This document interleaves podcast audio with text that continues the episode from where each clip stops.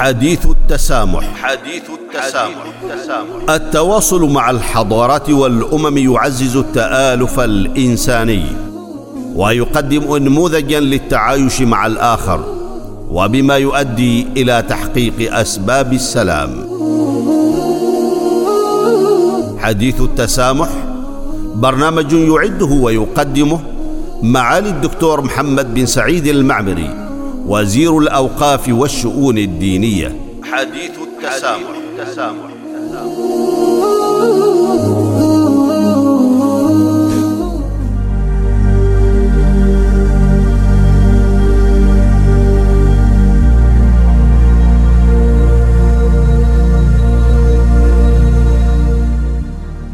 بسم الله الرحمن الرحيم. الحمد لله والصلاة والسلام على رسول الله وعلى آله وأصحابه أجمعين.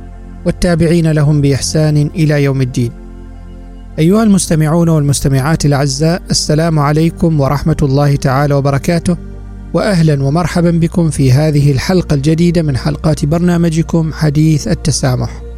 تتناول هذه الحلقة عنوان الفجوة بين الأجيال التحديات والفرص فأهلا وسهلا بكم جميعا.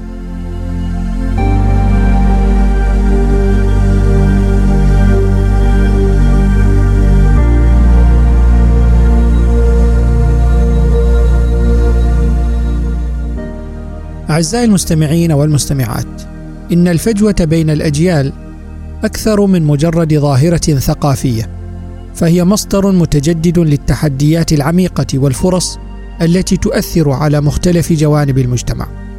وفي هذه الحلقة نتعمق لنستكشف جذور التحديات بين الأجيال وبحث الاستراتيجيات اللازمة للتخفيف من تأثيراتها وتحويلها إلى فرص ومكاسب. أيها المستمعون والمستمعات، غالبا ما تؤدي الصور النمطية بين الأجيال إلى تغذية سوء الفهم وظهور التحديات. وتسلط دراسة أجرتها مجلة العلاقات بين الأجيال الضوء على أن إطلاق التسميات على الأجيال من شأنها أن تعزز التحيز والخلاف. فالتسميات الشائعة كجيل الألفية أو جيل طفرة المواليد وغيرها من التسميات تؤدي إلى تبسيط الهويات المعقدة والفريدة للأفراد ووضع الجميع في قالب واحد. وتعاني عدة مجتمعات غالبيتها غربية من تحديات الصور النمطية وتأثيراتها على البيئات العائلية حيث أدت الصور النمطية المنتشرة حول الأجيال إلى ظهور توترات في العلاقات واختلافات في وجهات النظر حول الخيارات المتعلقة بنمط الحياة والمسارات الحياتية مما أدى إلى تعميق الفجوة بين الآباء والأبناء. وفي دراسة أجرتها جمعية علم الاجتماع الأمريكية لاحظت تناميا في التوترات العائلية بسبب الافتقار إلى أساليب التفاهم والتواصل بين أجيال العائلة الواحدة. وترجع الجمعية السبب في ذلك بسبب الصور النمطية التي تغذيها وسائل الإعلام. بالإضافة إلى ذلك فقد أسهمت الصور النمطية إلى تشكيل المواقف تجاه الأعراف الاجتماعية والممارسات الثقافية. فغالبا ما تؤدي الصور النمطية إلى اختلاف وجهات النظر حول الهياكل الأسرية وأدوار أفراد العائلة وخيارات نمط الحياة بشكل ملحوظ بين الأجيال. ويمكن أن تؤدي وجهات النظر المتباينة هذه إلى صراعات داخل الأسرة الواحدة حيث تواجه المعايير التقليدية تحديات من خلال وجهات نظر أحدث.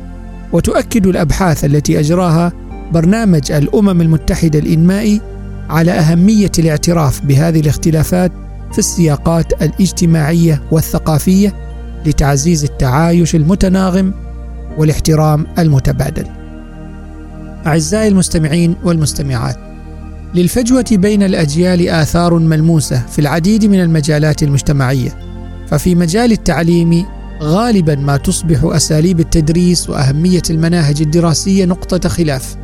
فوفقا لنتائج دراسة نشرتها المجلة الدولية للبحوث التربوية تميل الأجيال الشابة إلى أساليب تعليمية تتسم بالحداثة والمرونة ويؤكد تقرير صادر عن منظمة التعاون الاقتصادي والتنمية على حاجة الأنظمة التعليمية للتكيف مع التفضيلات المتغيرة لتظل فعالة حيث تمتد الفجوة بين الأجيال إلى المحتوى التعليمي ذاته وطرق تقديمه فينظر إلى الأساليب التقليدية القائمة على التلقين على أنها أساليب قديمة لتفضل الأجيال الأصغر سنا التعلم التفاعلي والمتكامل والقائم على التفاعل مع التكنولوجيا مما يظهر وجود فرص حقيقية للاستثمار في مجالات التعليم وتطويره.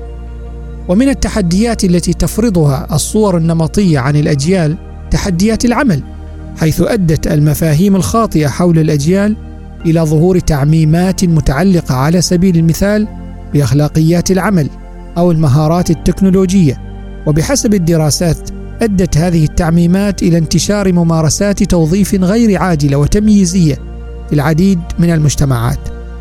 وأشارت دراسة نشرتها مجلة Harvard Business Review إلى أن الصور النمطية حول الأجيال من شأنها أن تؤثر على التقدم الوظيفي للأفراد وبيئات العمل. إن كسر هذه الصور النمطية ضروري لتعزيز الاحترام المتبادل والتفاهم عبر الأجيال.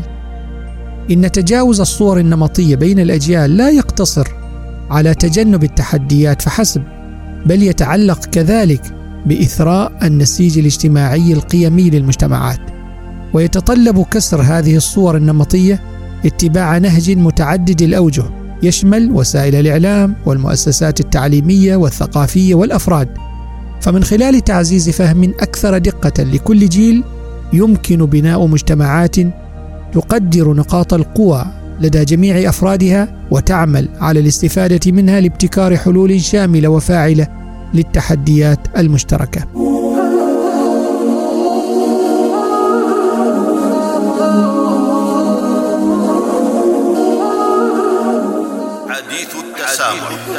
التواصل مع الحضارات والأمم يعزز التآلف الإنساني ويقدم انموذجا للتعايش مع الآخر وبما يؤدي إلى تحقيق أسباب السلام.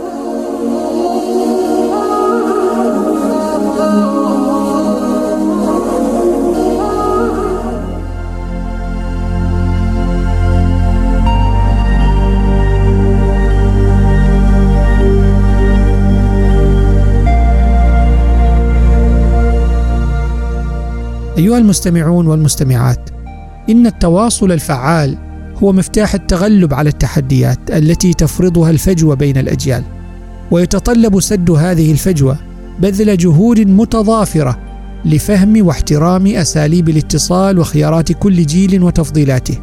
ولا ريب أن الاستماع النشط له دور حاسم في هذه العملية حيث لا يقتصر الأمر على الاستماع إلى وجهات نظر الآخرين فحسب بل فهمها وأخذها بعين الاعتبار ويعزز هذا النهج بيئة من الاحترام المتبادل والتعلم ويمكن للمنظمات والمؤسسات والأسر على حد سواء الاستفادة من التدريب وورش العمل التي تركز على التواصل بين الأجيال وتسليط الضوء على نقاط القوة والتفضيلات لدى كل جيل وتشجيع التعاون والحد من الصور النمطية والتحيزات بين الأجيال.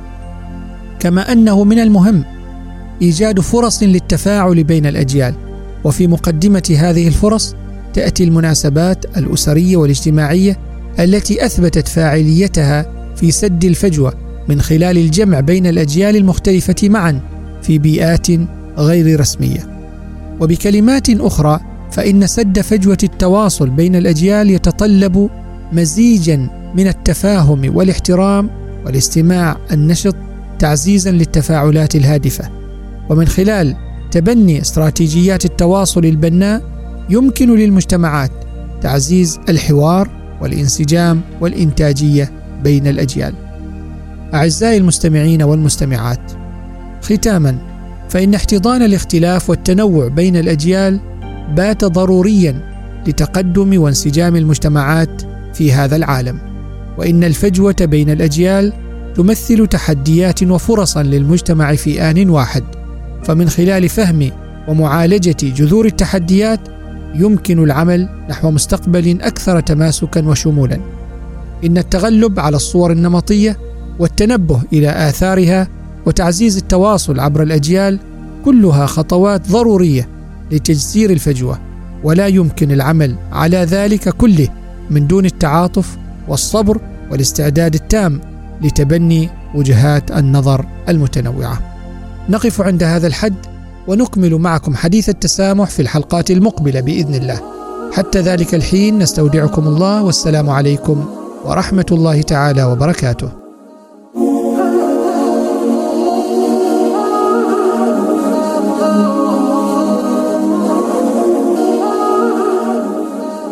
حديث التسامح. حديث التسامح. التواصل مع الحضارات والأمم يعزز التآلف الإنساني ويقدم انموذجا للتعايش مع الآخر وبما يؤدي إلى تحقيق أسباب السلام.